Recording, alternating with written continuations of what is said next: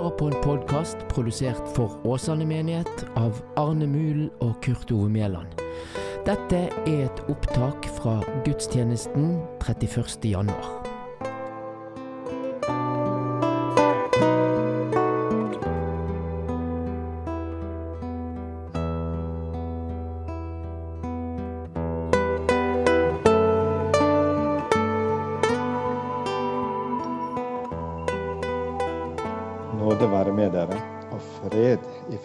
Vår Far og Herren Jesus Kristus.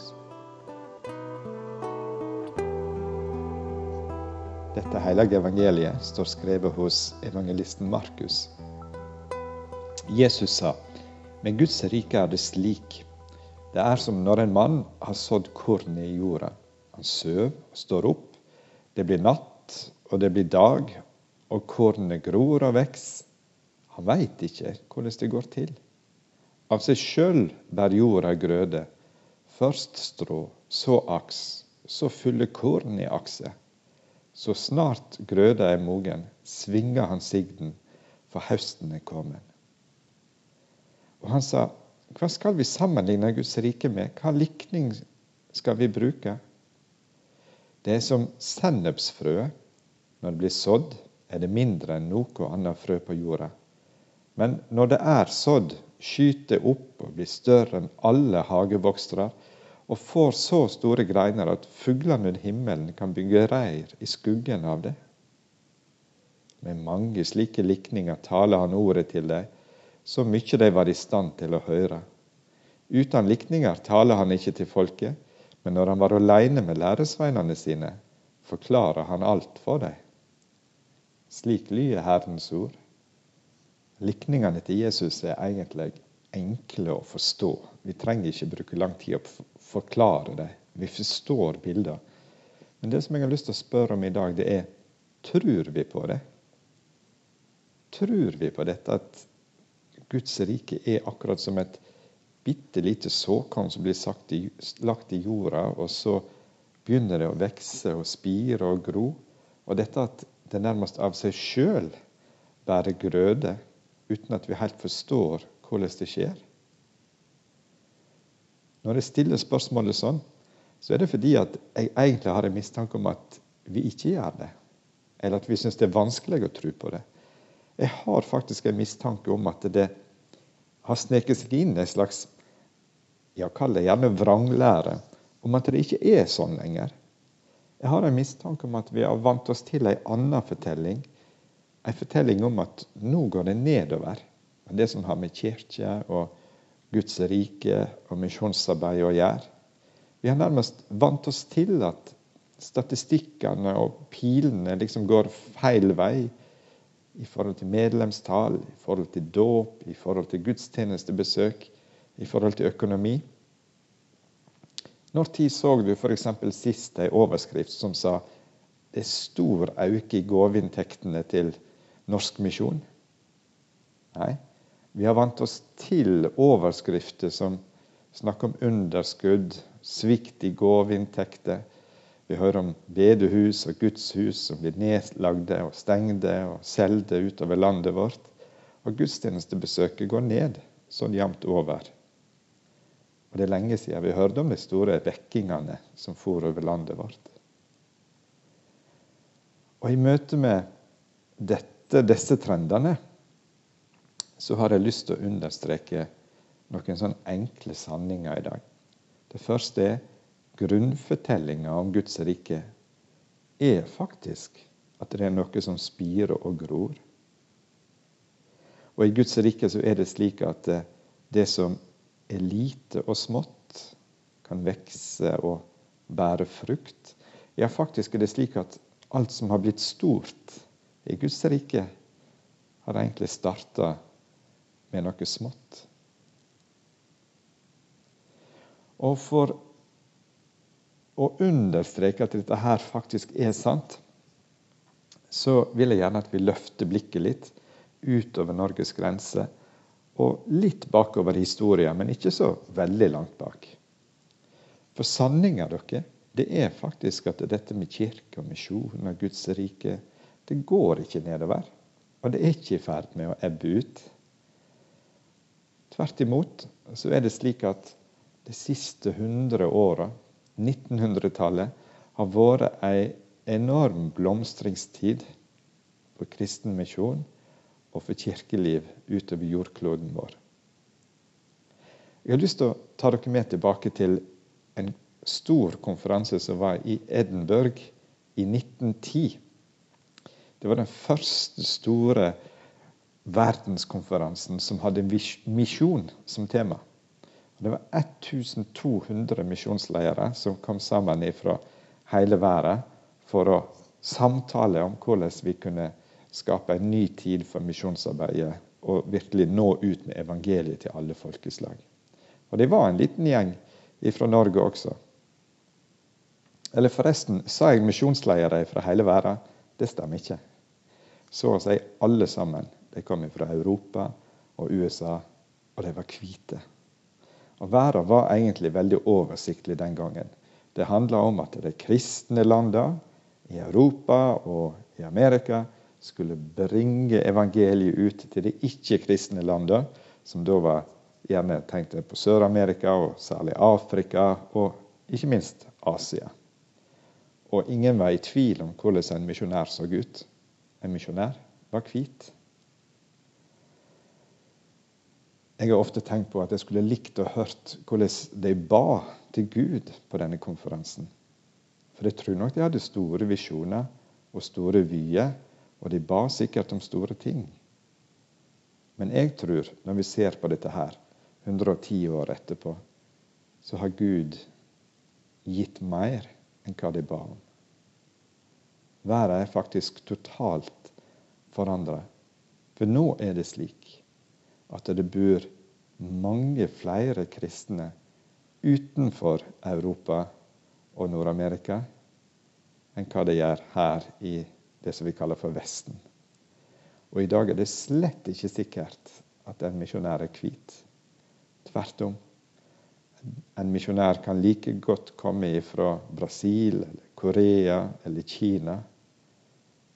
Og det er jeg ikke sikker på om de som samles i Edinburgh i 1910, hadde sett for seg. Så jeg tror at Gud overoppfylte både drømmer og bønner hos de som var i Edinburgh i 1910. Nå har den kristne trua blitt et globalt fenomen. Og ikke bare det. Det en også ser, det er at når misjonærene kom til Afrika, så tenkte en kanskje at dette ville oppleves som noe fremmed. Dette var den hvite mannen sin religion. Dette var europeerne sin religion. Men det vi kan se nå, 100 år etterpå, det er at kirkene har blitt stadegne, som vi sier. Eh, der er kirke, Kirken i Kenya er kenyanske kirke. Kirken i Brasil er brasilianske kirke. Den lutherske kirka på Madagaskar er selvsagt prega av arven og historia og tilknytning, ikke minst til Norge, men det er først og fremst en gassisk kirke. Historia om den lutherske kirka på Madagaskar det begynner med noen norske misjonærer som går i land på vestkysten i, Tul i byen Tuliar en gang på 1860-tallet. Det var liksom den første gnisten. Og i dag er den gassisk-lutherske kirka den åttende største kirka i verden. Så det var et lite bål som ble tent, og så har brannen bredt seg utover. Men det er ikke en norsk kirke, det er en gassisk kirke. Og Det er bare ett eksempel på veldig, veldig mange. Hvordan den kristne trua faktisk er universell og kan også være lokal i enhver kontekst.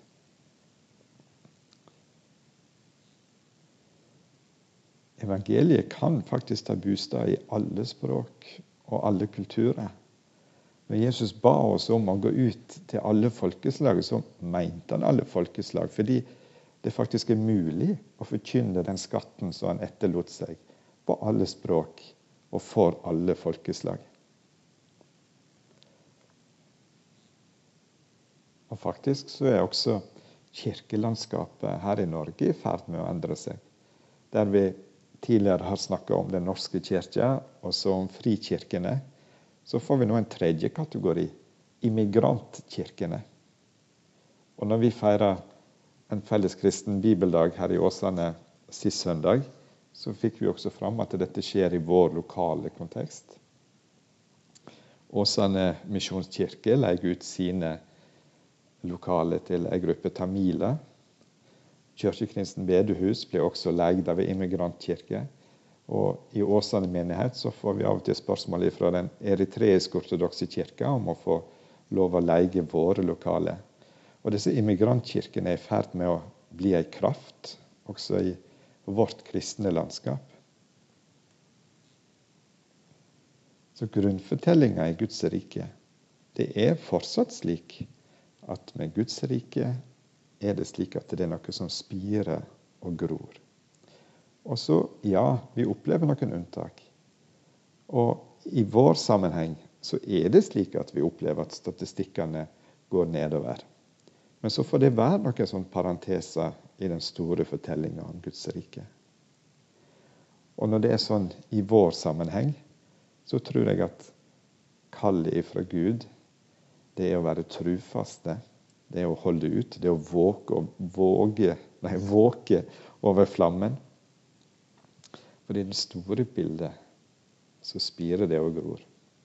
Og Jeg tror at en dag så skal vi også oppleve i vårt land, i vårt folk, i vår kultur, at folk vender seg mot Gud på en ny måte. Åpner hjertene sine for evangeliet på en ny måte. Det vil ikke ligne på vekkingene som har vært tidligere. Det vil være noe som er annerledes. Når tid det skal skje, det må være Guds sak. Og på hvilken måte det skal skje, det skal vi overlate til Gud. Men vi skal være trufaste over det som vi har fått å forvalte. Og så skal vi holde fast på denne grunntanken at i Guds rike det der er Guds rike det er noe som spirer og gror. Og jeg tror at Gud fryder seg over lovsangen som stiger opp til Han fra flere og flere folkeslag og fra flere og flere tungemål. Amen. La oss be. Livets Gud, i din nåde har du sådd ordet ditt blant oss. Og vi ber deg, la oss få ta imot ordet, så det kan vokse og modnes i oss. Til den dagen ditt rike blir fullendt ved din Sønn Jesus Kristus, vår Herre, som med deg og Den hellige ånd lever og råder, en sann Gud, fra evighet og til evighet. Amen. Vår Far i himmelen. La navnet ditt helliges. La riket ditt komme. La viljen din skje på jorden slik som i himmelen. Gi oss i dag vårt daglige brød, og tilgi oss vår skyld, slik vi også tilgir våre skyldnere. Og la oss ikke komme i fristelse, men frels oss fra det onde. For riket er ditt, og makten og æren i evighet. Amen.